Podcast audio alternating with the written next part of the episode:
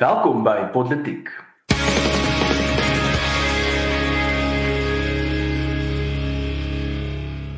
Asai, goeiemôre. My naam is Paul Marit. Saam met alweer vir die oomblik is Frederik van Duyk en ons hoop Rainer sluit binnekort by ons aan.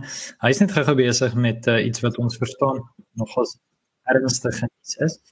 Ehm um, as as daai agtergrond net gegee vir my eie YouTube of die herkomskies daar. Um, my naam is Paul Marit en vandag se episode Amerika kies vishoek vir vies en Afrikaans in die nuus. Nou ja, dis drie baie groot en baie belangrike stories. En hier sluit Rainer by ons aan. Rainer praat van duiwel en trap jy op sy stert. En kom ons gee vir jou 'n oomblik om 'n bietjie net asem te skep en dan as dit reg is met julle kerel spring ek sommer weg. Ehm um, deur 'n bietjie te praat oor vishoek. Nou ehm um, baie vinnig ek dink meeste mense ken seker al die vishoek storie, maar 31 Oktober 2022 ehm um, het die Wes-Kaap Departement vir Onderwys fasiliteerders gestuur na Vishoek Hoërskool toe, Vishoek High School toe om um, nou te gaan praat oor uh, diversiteit en om diversiteitsopleiding te gee nadat daar na beweringe rasse insident vroeër die jaar was. Nou uh, die sogenaamde diversiteitsafrigter en politieke analis Asanda Ngwasheng ehm um, is toe haar opleiding wat eintlik die hele verlede week sou duur is toe gestop na die maandag as gevolg van ouers wat opnames nie handig gekry het en klagtes gedien ehm um, ingedien het en 'n WhatsApp groep begin het en allerlei dinge. Ehm um, en Ngosheng het intussen gesê wel die die kritiek op haar opleiding is die skool se skuld want hulle het nie openlik oor apartheid geskiedenis gepraat nie. Nou net vinnig oor hierdie opleiding. Graad 8 tot 11 is nie saal gehou, onderwysers is uitgestuur. Hulle mag nie vrae gevra het nie, hulle mag nie opmerkings gemaak het nie. En uh, sy het onder andere gesê dat daar is nie ietsie soos ehm um, reverse racism is die woord wat sy gebruik het. Ek gebruik die woord kontrarasisme. Sy het gesê dit bestaan nie, so daar is nie iets so swart op wit rasisme nie. Dit kan nie bestaan nie. En ehm um, soos ek reeds gesê het, daar mag niks ehm um, niks niks terugvoer mag gegee gewees het nie. Nou baie vlugtig hier ek ek het natuurlik 'n klomp goed om hieroor te sê en daar's baie mense wat in die media hieroor gereageer het. Maar ek dink hierdie is vir my eintlik in 'n sekere sin ehm um, 'n belangrike oomblik en in so klein klein bietjie is ek dankbaar dat hierdie gebeur het. Ouers dink dikwels dit wat jou kind kyk op televisie ehm um, en en dit wat jou kind by die universiteit leer in die wetenskap leermodule en die boeke wat jou kind lees, die mense wat jou kind volg op YouTube, dit maak nie eintlik saak nie. Die opvoeding wat jy, jy weet aan die etenstafel gee, as jy dit nog doen, die opvoeding wat jy vir jou kind gee, dis eintlik die belangrike ding. Maar die realiteit is hierdie woke idees, hierdie idees wat ons universiteite eintlik in die hele weste van die wêreld oorgeneem het, daai tekkie gaan nie teertref en daai idees gaan deurvloei. Die goed wat sy gesê het is tipiese nuwe-marxistiese idees, goed soos dat daar hierdie groot magstruktuur is en jy moet jouself ontleer van hierdie goeters af en jy moet herleer wat die werklikheid is. En as jou kop vir jou sê maar miskien is, jy weet, my agtergrond nie so erg nie, dan is dit net die rasis in jou wat praat. So dis regtig, dit klink amper asof ek 'n karikatuur hiervan trek, maar dit is nie. Hierdie tipe nuwe-marxisme glo werklik daar's hierdie groot kapitalistiese struktuur en ons moet hierdie kapitalistiese struktuur oorwin en konstant moet elke generasie weer sy eie kettinge uitbreek en afbreek en so. En dis regtig die progressiewe tipe denke wat op hierdie stadium universiteite oorheers. En ek sê nie liberale Engelse universiteite nie, alle universiteite in Suid-Afrika, staatsuniversiteite ten minste. Ehm um, en dit so ek ek dink dit miskien as agtergrond, die vinnige lesie wat ek net wil hê skole en universiteite moet leer is jy moet leer om te onderskei tussen 'n insident en soos 'n kultuurkrisis. As daar een ding gebeur, soos in 'n koshuis, soos op universiteit, dis 'n insident. Jou hele universiteit is nie siek nie. Selfs die beste boom op aarde het vrugte met wurms in. Dit jy jy kap nie die hele boom af nie. Ehm um, so hierdie is horrible. En en na die ander kant toe as jy gaan kyk na hoe erg die marxisme is, weier daai boom om te vrek. So ek weet nie, dit is dis ja, dis miskien genoeg van 'n inleiding. Ehm um, en uh miskien kan een van julle kerels oorvat. Ja, Paul, um, ek ek ek iewers in die week ook vir julle mos gesê dis vir my altyd interessant. Dit is nou so voorspelbaar geraak. Ehm um, daai bootstrap sirkel argument wat altyd na vore kom wanneer daai tipe mense gekritiseer word, dan dan is dit onmiddellik hierdie soort van ad hominem terugkap van ja, maar jy dit wat jy nou jou kritiek bewys hoe dat ek reg is. Jy weet daai tipe daai tipe ding. Nou probeer jy eintlik maar net sê dat as jy iets as jy 'n argument daar buite mense kritiseer dit dan ehm um, ek weet wys dit eintlik dat jy dat jy wat die kritiek is is verkeerd is en dit maak dit weet dit is so self-referential of self-verwysend en dit dit dit probeer hierdie uh hierdie soort van onaantastbaarheid weergee en dit maak die openbare gesprek eenvoudig onmoontlik. Um, en ek sien nie hoe 'n klomp fundamenteel grondwetlike uh uh doelstellings bevorder word deur hierdie tipe ehm um, gesprekvoering. Dis nie 'n gesprekvoering nie, is eintlik maar net bloot diktaat. Ehm um, jy weet asof jy gesê word dat jy weet jy, jy kan nie in 'n gesprek aan deelneem nie. Jy, jy weet jy maar dis nie jou platform nie. Jy moet nou net luister. Ehm um, jy weet dit, dit is daai absolutisme. Dis amper op ek bedoel nou nie in die in die geloofsin nie, maar dit is amper op 'n hierdie evangeliese ding van ek het hierdie gewaarwording gehad en ek weet ek ken nou die waarheid en ek kan nou en almal weet met eenvoudig net buig voor hierdie weet soort van mistieke kennis wat ek dan nou wil oordeel rondom rasseverhoudinge, gender en so voort. So die die feit dat dit nie dat dat openbare gesprek en kritieke gesprek oor hierdie tipe standpunte nie kan plaasvind nie, is soos jy is weet dit is die kultuurkrisis. Dit is die fundamentele probleem wat hier is. Want weet jy wat? Ja, jy kan met daai tipe idees te koop loop as jy wil. Jy's welkom. Ehm um, dit is dit is wat byvoorbeeld artikel 16 vir ons in die land waarborg. Jy moet met die mees vergaande idees ehm um, te koop kan loop en maar jy moet aanvaar dat iemand gaan jou in gesprek mee kan tree en vir jou sê maar luister ek dink jy praat nonsens. Ehm um, en hieso is hoekom jy dink jy praat nonsens. En dan kan mense mekaar sleg sê en ook al. Maar die punt is hierdie tipe denkpatroon is fundamenteel ehm um, uh, uh nie verdraagsaam nie of intolerant. Ehm um, so dit weier om soos Karl Popper ook byvoorbeeld gesê het, ons kan nie ons kan nie 'n toestand van openbare gesprekvoering in 'n demokratiese samelewing toelaat waar uh waar daar onverdraagsaamheid bestaan nie. Wat as 'n onverdraagsaamheid bestaan, dan beteken dit die onverdraagsaamheid gaan op die eind eenvoudig oorheers. So dit is dit is die gevaar. Jy weet soos Karl Popper sê you, you you cannot tolerate the intolerant. Dit is net dit is 'n vreemde dilemma waarmee samelewing sit, maar waarmee hulle sal moet eenvoudig um uh waarmee daar sou omgegaan moet word. So ek dink uh die DA natuurlik het sit het waarskynlik met 'n redelike eie op hulle gesig gesit want dit is fundamenteel teen die ehm um, breedweg liberale politiek wat hulle ook nou sou beoefen. Ehm um, om te kan sê maar hier kom iemand en hulle sê vir 'n klomp skoolkinders presies hoe hulle moet glo en dink oor goed en hulle moet niks bevraagteken nie. So ek kan dink die DA sit nogals met 'n eie op hulle gesig. Ek moet hulle wel absoluut krediet gee dat hulle ehm um, baie vinnig opgetree het om regstelling teweeg te bring en ek soos ek nou met die ouens kontak het, verstaan ek ook dat hulle is eintlik besig om nou ehm um, hierdie hele ding deeglik te ondersoek. Baie anders is in die res van die land waar daai soort narratiewe natuurlik die regerende party en al hulle spin-offs pas.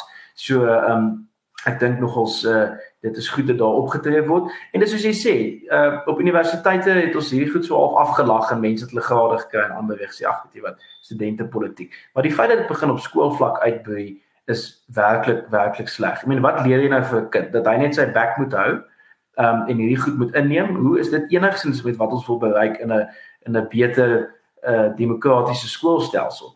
En jy weet in die agtergrond van die Bela wetgewing voorspel hier natuurlik niks goed nie. Want die Bela wetgewing sal eenvoudig bepaal dat um in groot dele van die land sal beheerrade nie eens met die vermoë hê om hierdie tipe goed te kan hokslaan nie. Want die as die departementshoof weet ten gunste van hierdie kastige diversiteitsopleiding is wat intedeel glad nie diversiteit respekteer nie. Ehm um, dan jy weet dan gaan dan gaan ouers weet volgens daai wetgewing niks daan kan doen nie. So ja, ek is baie bly dat daar ten minste dat dit dat dit goed gehanteer is tot dusver en dat ek hoop dit is die begin van eh, 'n uh, wakkerheid onder ook ouers oor hierdie tipe goeders. Ja, Frederik om by jou aan te sluit, ek dink hierdie ding dit was al daar, jy weet, tot 'n mate by sekere van ons universiteite. Wat ons gesien het is ons het ons het ook onlangs gelees in die in die koerant van wat daar gesê is by tikkies en die en die radikalisering as ek dit so kan stel van die van die regsdepartement daar waar daar gesê word soos menseregte is 'n is 'n westerse konsep. Al hierdie tipe verskriklike uh radikale idees wat, wat wat daar aan die orde van die dag is.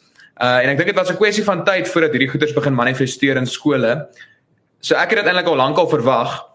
Nou soos jy daar sê Frederik, dit is goed dat dit dat dit lyk of die DA dit deeglik ondersoek en dat dit ehm um, dat dit eh, dat dit nou nie net geïgnoreer gaan word nie.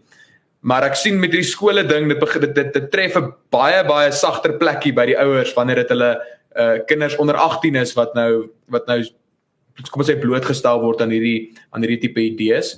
En ek dink dit is hoekom hierdie nou so 'n groot skandaal was terwyl ons weet hierdie tipe retoriek is al lankal teenwoordig in ons in ons openbare sfeer ook in die in die in die opvoedingsstelsel by ons universiteite. Nou miskien nou nie heeltemal soos dit daar gesê is nie. Kyk daai wat van wat ek al gesien het in die, op, op die video en en daai tipe klas van goed, was dit redelik erge goed wat gesê is aan die aan die kinders daar by Vishoek. Maar ja, hierdie goed is al teenwoordig en ek sien dis nou vir my amper al die eerste keer wat wat wat wat ons werklik wakker skrik En my enigste bekommernis is ek hoop nie ons het al te ver gegaan dat dat hierdie ideologie al heeltemal te ver gegaan het nie. Ons ons moet hierdie goeders bevraagteken soos jy sê, nie op 'n nie op 'n manier wat ons mense stil maak nie, maar ons sê vir hulle wat ons daag julle idees uit en julle kan nie vir ons sê dat dat, dat ons nie julle idees mag uitdaag nie. Julle kan nie uh julle moet tolerant wees in die feit dat ons julle idees mag uitdaag. Ja, Karel, um, ek dink vanaf van my kant af net om saam te vat, uh, ons moet ons lesse leer wat ons uit kan leer en ek dink die uh, ons ons het nou klomp goed daaroor gesê, ek is ook bly die DA het gereageer, maar ons moet ons oop hou vir die goeders dit gebeur vinnig. Ehm um, jy weet en ek ek dink hulle wat radikaal gesind is, gaan nie 'n krisis mors nie. En in Suid-Afrika is daar gereelde krisis, daar's gereelde situasie wat die deur oopmaak. Ehm um, ja, gepraat van 'n situasie in die Wes-Kaap wat die deur oopmaak vir verkeerde dinge. Uh Fred, jou universiteit is nou weer in die nuus oor die manier wat hulle ons moedertaal hanteer. Ek uh, sien dit natuurlik van twee kante af. Ek het 'n video van Dr Leon Schreiber gekyk wat nou versprei word oor 'n uh, verslag en um, ek weet jy self is ook redelik daarbey betrokke. Ehm um, so uh, ja, miskien kan jy ons meer daarvan vertel. Ja, nee, ehm um, ek moet sê ek weet nie of dit of dit is net of hulle weet ek gaan op politiek verskyn en dan maak hulle 'n krisis sodat ek daar kan kommentaar lewer nie want ek moet sê dis nou net elke keer so. Ek dink dis amper die derde keer in 'n ry wat wat daar iets gebeur by my liewe ou alma mate. Ehm um, nou ja, so die Kampepe verslag is 'n verslag wat nou volg op die uh Kampepe kommissie van ondersoek wat geroep is nadat daar sekere beweerde rasseskandale of voorvalle was dan nou in van die universiteit se koshuise en op die kampus. En ehm um, die idee of die mandaat uh van wat oorgelewer is aan die publiek van die Kampepe kommissie is om na die kampus toestande te ondersoek ehm um, en of daar dan nou werklik, jy weet, gevalle gevalle van noem dit nou maar ingewortelde rasisme is wat dan nou homself manifesteer. Ehm um, en jy weet op hoe ten minste hoe moet mense daaroor dink maar natuurlik is dan net die eerste rooi vlag gees dat daar aan aangeneem word dat iets soos rasisme op 'n sekere metafisiese manier ingewortel is in 'n plek en dat dit nie noodwendig kan verander maar jy weet dit is 'n hele gesprek op sy eie. Nietemin dit was die mandaat van die kommissie. Toe gaan maak hulle 'n bevinding en op grond van getuienis wat niks met die rasisme aspekte te doen het nie maar heeltyds te doen het met taal en taalpolitiek en die taalbeleid. En sy gaan maak die uit die bevinding selfs dat dat die voorkeur vir Afrikaans volgens die universiteit se taalbeleid dit wat ten minste daarvan oor is eintlik maar weggeruim moet word want um, dit uh, dit is op die stadium besig om net ehm um, skade te maak en, en dit is net besig om so dit is dit is dit is niks glad nie binne die mandaat gewees enigsins van van wat bespreek moes word nie en wat moes ondersoek word nie, maar nietemin is dit nou wat wat in die verslag te kom. Nou vir die kommissie van ondersoek is eintlik veronderstel om glad nie enige getuienis wat van daai aard is toe te gelaat het nie, want dit het niks te doen met die onderwerp of die mandaat van die kommissie nie. En so dit is die eerste probleem van daai verslag. En dan verder is dit dat die groot probleem dit dat die bietjie wat oor is van die beleid wat Afrikaans betref word dan nou eenvoudig net beskou as dit is nie inklusief nie. Nou ons het nou 'n lang gesprek gevoer op politiek ook oor hoe dit 'n totale non sequitur is of 'n niks seggendheid is om om ons om, te redeneer dat dit nie uh uh, uh inklusief is nie. Ehm um, Ekskuus. Ehm um, so dit is uh dit dit is dit is waarmee ons sit. Jy weet ons sit nou met 'n verslag wat nou basies geïmplementeer gaan moet word. En hierdie verslag uh maak eintlik maalvleis van dit wat oor is van Afrikaans en op 'n absoluut ongevraagde manier en heeltemal buite die mandaat van die kommissie. So ek sien daar is nou 'n klomp stappe wat geneem word om ehm um, om om te probeer om te kyk of die verslag te syde gestel kan word of om op 'n of ander manier te kritiseer en ek verwag gaan nog baie polemiek daar rondom wees in die volgende ruk. Ehm um, dit alles natuurlik teen die agtergrond van die onlangse ek dink dit is die Solidariteit Navorsingsinstituut uh tesame met die Afrikaanse Taalraad wat 'n uh, uh ek verstaan dis 'n voorlopige uh ondersoek wat gedoen is na die stand of die status van Afrikaans um in uh in Suid-Afrika in algemeen. En die bevindinge wat daarin gemaak word, die navorsingsbevindinge skets nou vir ons 'n baie nare hartseer agtergrond wat Afrikaans se stand in Suid-Afrika betref. Dit wys onder andere ehm um, dat die groei van Engels as 'n moedertaal in Suid-Afrika op 'n stadium van Afrikaans verby gaan steek. En dit is nie net weens Afrikaans sprekendes wat vir Engels nie, maar weens mense van ander taalgroepe in Suid-Afrika. So daar's 'n bydrae van alle taalgroepe af wat daai vir Engels betref. En dit is uiters kommerwekkende nuus. Hoekom gebeur dit? Wel, ons sien dit staat wat Engels ehm um, beskou as meer werd as enige van die inheemse tale. So die die sogenaamde gelykheid van aansien wat in die grondwet vervat word, word eenvoudig nie bevorder op staatsbeleid nie. En ons sien nou na 30 jaar die gevolge daarvan. Dit is wat besig is om te gebeur. Die die omgewing word nie geskep wat uh bevorderlik is vir uh, 'n veeltaalige samelewing nie. Dit word weet Engels word beskou as dit as die as die kern en die en en dit dit bevorder op die eind Engelse oorheersing. So teen daai agtergrond is hierdie ding wat Stellenbosch doen eintlik jy weet net nog 'n uh, nie as 'n simptoom nie, maar dit dit wys vir jou die engine kamer waar hierdie tipe hierdie hierdie hierdie tipe onttaling eintlik maar vandaan kom.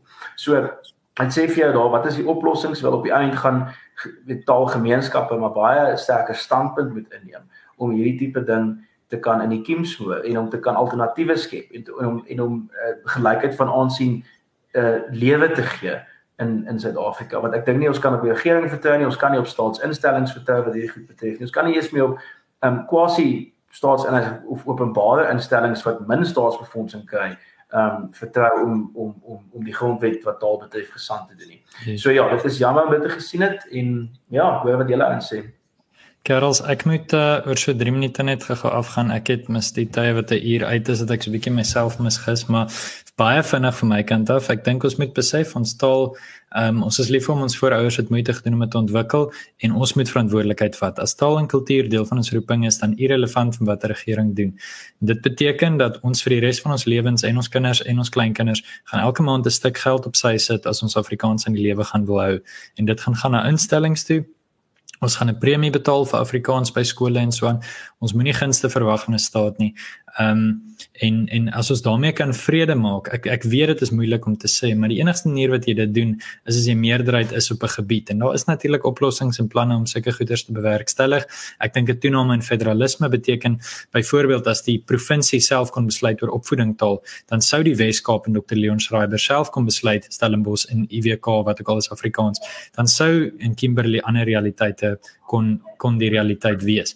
Vir nou sit ons op 'n situasie waar totdat ons 'n ander regering het, het ons 'n unitêre stelsel. Dit beteken ons is 'n minderheid, ons word hanteer as 'n minderheid en ons is 'n sigbare en 'n irriterende minderheid.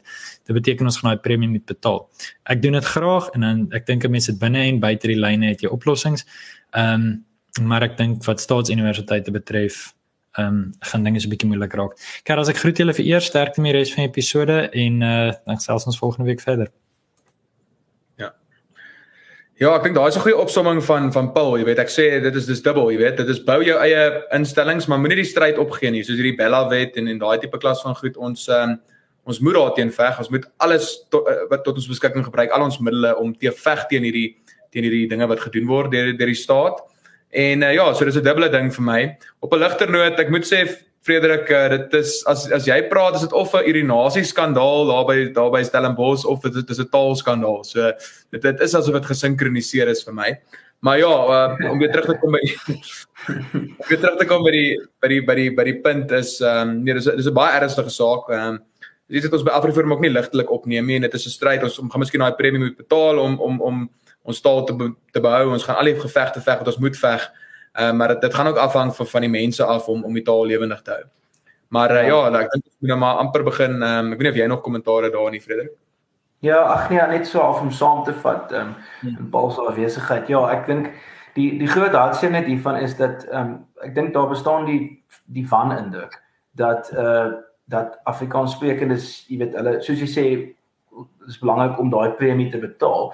Maar ek dink daar bestaan nie van in dit ook baie dikwels van die staat en beleidsvormers se kant af en nie noodwendig die wat ideologies is nie. Ek praat net bloot van die ongeërgdes want dit is wat ons by Stellenbosch byvoorbeeld het. Dat Afrikaans sprekendes mas weet noodwendig wel afgenoeg is as groep om jy weet alternatiewe te bou. So dis fine die staat hoef nie na hulle te kyk nie. Hulle het belangrike uh uh uh oorwegings en so jy weet by die taaldebat word word Afrikaans en taaligheid eenvoudig afge weet dit word as 'n non-issue beskou en hulle dink daar's altyd belangrike goed.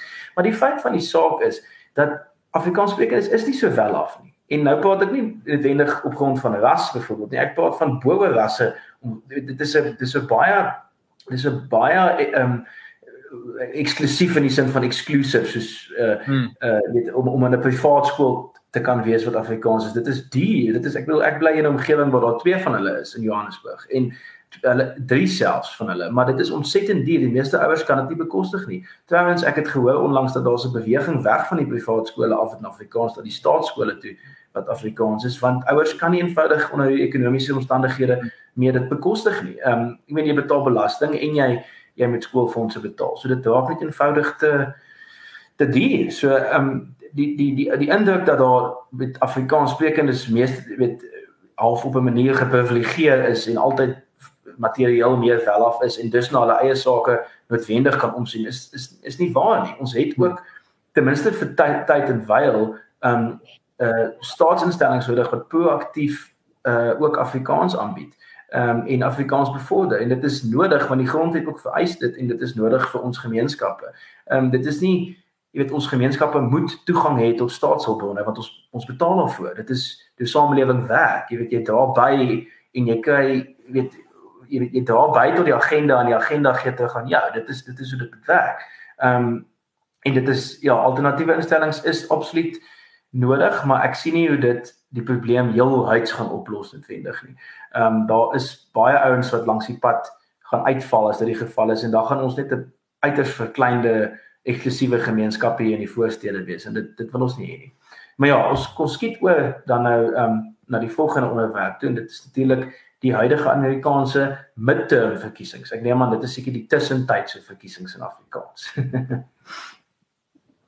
ja, nee, Frederik, hulle verwys dan na die middeltermyn verkiesings. Uh ja, ek het dit dis wat ek op netwerk 24 sien, maar ek het ook al tussentydse verkiesings gehoor.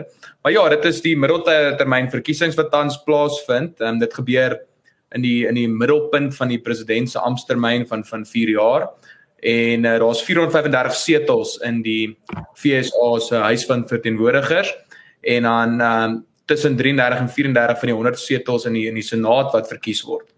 Nou hier is 'n baie spannende verkiesing en ek seker dit is eintlik vir meeste mense wat hulle amper meer volg en dit is nou die die aard van die media omdat hierdie Amerikaanse verkiesing dit is my, baie groter as wat ek kan onthou ooit veral vir 'n vir 'n vir 'n middeltermyn verkiesing. Maar uh, op hierdie stadium word die is die word die Republikeine is hulle die gunsteling om die huis vir van verteenwoordigers te wen wat op die, op hierdie stadium deur die demokrate gehou word, 'n meerderheid demokrate.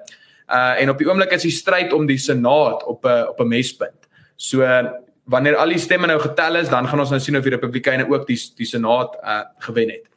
Nou 'n belangrike punt hierso ook is en dit is iets wat baie mense sê is hulle verwag die Republikeine gaan nog verder hulle gaan verder wen. Hulle het nou die huis, so dit dit maak dit moontlik vir die Republikeine om baie van van van die Joe Biden administrasie se se wetgewing uh, te blok. Maar mense het nog verder verwag dat die Republikeine verder die huis gaan gaan wen en in terme van die Senaat het mense ook gedink die Republikeine gaan maklik wen en uh, nou op hierdie stadium is dit op 'n mespunt so ons weet nie watter kant dit gaan gaan nie. So nou die laaste punt wat ek hier wil maak is net 'n 'n punt oor Ron DeSantis wat uh, hy was net net verkies as goewerneur van van Florida in die vorige verkiesing en hierdie keer het hy baie maklik gewen as hy herverkies as die goewerneur en mense sê dit is nou 'n platform vir hom om nou te staan in die volgende verkiesing uh, vir die vir die presidentskap teen teen Joe Biden sal dit wees en Nou dit dit bring nou 'n hele nuwe dimensie in Amerika in die Amerikaanse politiek in want Trump het nou al reeds begin begin om beledigings na na na DeSantis se kant toe te slinger. Ek weet daar's baie mense in die Amerikaanse konservatiewe in die politiek en en in die Republikeinse party wat obsessief is oor Trump. Hulle dink net Trump Trump Trump en hulle wil graag hê hy moet weer staan. Nou as jy my my persoonlike opinie vra, uh, dink ek DeSantis is my op hierdie stadium 'n beter kandidaat. Hy's jonger, hy het nie hy ehm um, Trump onthou Trump is ook al 76 nee hy gaan 78 wees in 2024 naby aan 80 maar uh, ja dit, dit dit bring nou weer 'n lelike element van die Amerikaanse politiek na vore as Trump nou begin beledigings in die rigting van DeSantis slinger terwyl eintlik die, die die die in my opinie met die Republikeinse party rondom DeSantis verenig en ek dink dan sal hulle 'n baie goeie kans staan vanuit die Republikeinse party se so, van hulle oogpunt uh, om dan die die verkiesing te wen in 2024 Ja, nee, ek moet sê dit is altyd interessant vir my hoe die Amerikaanse stelsel ook werk want ehm um, jy sit nou, jy weet, 'n president het eintlik baie min tyd om of of 'n administrasie ten minste om enige vorm van verandering aan te bring. As jy daaraan dink, wanneer is Biden verkies uh uh einde einde 2020 begin ja. 2021 is hy ingesweer, so dit is dis, is letterlik ja. laas jaar.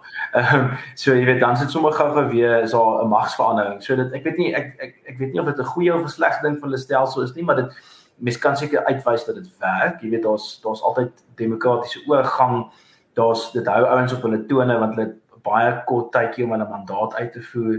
Ehm um, so dit dit is vir my baie fascinerend om dit ook so van 'n kant af te beskou. Ek moet sê ek is nie um, 100% op hoogte van die die die die diep nuances daarvan en alles noodwendig nie. Ehm um, ek dink wel die 'n uh, groot implikasie hiervan gaan wees is dat die uh die Amerikaanse wetgewer wat natuurlik dan uit die Senaat en die Huis van Verteenwoordigers bestaan, hulle gaan onder jy weet as dit nou 'n geval is vir 'n Republikeinse meerderheid verkies word of ten minste eh, weet 'n 50 weet 'n baie klein verskil tussen die verteenwoordigers van beide partye dan gaan jy 'n situasie hê waar hulle baie moeilik ehm um, uh begrotingsuitkerings gaan kan maak. Want hulle gaan soos kat en hond veg oor hoe die begroting moet lyk en wat waar in die begroting moet gaan. En ons weet 'n baie groot deel van die begroting tans ehm um, word uitgekeer ter wille van die Oekraïne en die stryd teen Russiese imperialisme daar. En mense wonder hoe lank gaan mense se geduld nou nog hou. Ehm um, wel never mind die die die bevolking se geduld, maar spesifiek die die ehm um, die geduld van diegene in die wetgewer en hoe hulle miskien daaroor gaan anders begin dink en of hulle die vermoë gaan hê om aan te kan hou uitkerings maak in die vorm wat hulle doen. Ehm um, so ek dink daar lê baie interessante tyd voor. Uh ek dink dit sal interessant wees om te sien wat die Republikeine onder mekaar gaan uitsorteer. Ek dink daar is daar is dalk nogal 'n 'n kans dat Robert de Sant wel ek dink hy uh, hy's Ron de Santis nê nee, as ek dit nou nie mis het. Ja, dat hy ja. soos ek hom dophou, hy het nog ons 'n groot gevolg en ek dink hy win dalk 'n ek ek weet nie of hy dit te vlak van sofistikasie kan noem nie, maar miskien 'n bietjie van 'n ja. ander meer gematigde angle as Trump op sake. Ehm um, en ja. miskien is mense nou al moeg vir Trump se nonsens, maar dit is iets wat die Republikeine gaan moet uitsorteer onder mekaar as hulle 'n kans wil staan in die in die volgende verkiesing want die kans dat 'n uh, 'n nuwe kandidaat vir die demokrate ehm um, op die spel gaan kom of of aan die spel in die stryd gaan deelneem is natuurlik baie groot. Ek weet nie of hmm. meneer Biden noodwendig vir 'n tweede termyn sal staan nie. Ehm um, hmm. maar daar is jy weet daar is 'n paar ander waarskynlik in sy party wat met smakkende lippe kyk of hulle nie miskien die volgende uh, kandidaat kan wees nie. Maar ja, dit is interessant en dit is interessant ook om te hoor dat dit dat ons nou al op 'n mespunt sit ehm um, gegee die hype wat geskep is die laaste week of wat rondom die Republikeine se kanse. Ja, dit nee, dis dis 'n interessante punt wat jy maak Frederik en en en wat ek wat ek dink is uh die dit is dit is dalk moontlik sodat dat Biden nie gaan staan vir 'n volgende termyn nie. Die ander ding wat mense nie in ag neem met Trump nie, as die ou is 78 by die volgende verkiesing, dan moet hy 82 teen die einde van sy termyn. So dit is uh ja, dit is dit is redelik dit is redelik oud vir 'n president en ons gaan moet sien maar hierdie hierdie Amerikaanse politiek is maar altyd uh, aan die een kant wil ek wel sê dit dit, is wel 'n teken dat dit lewendig is omdat omdat uh, die die deelname aan hierdie aan hierdie middeltermyn verkiesings is uh, baie groot gewees in 2018 en nou weer. So in daai opsig kan 'n mens wel sê die demokrasie is is lewendig in Amerika en dat uh, hierdie twee partytelsel tog tot 'n mate werk alhoewel ons het nou gepraat oor die uitdagings wat daar is en hoe hulle begrotings gaan goedkeur ensovoorts ensovoorts. Dit is 'n probleem en daar gaan hulle mekaar moet vind. Maar uh, ja ek voel tog dit dit wys ook dat daar dat daar effens 'n lewendigheid in die in die politiek is en uh, daar kom ook nuwe kandidaate deur.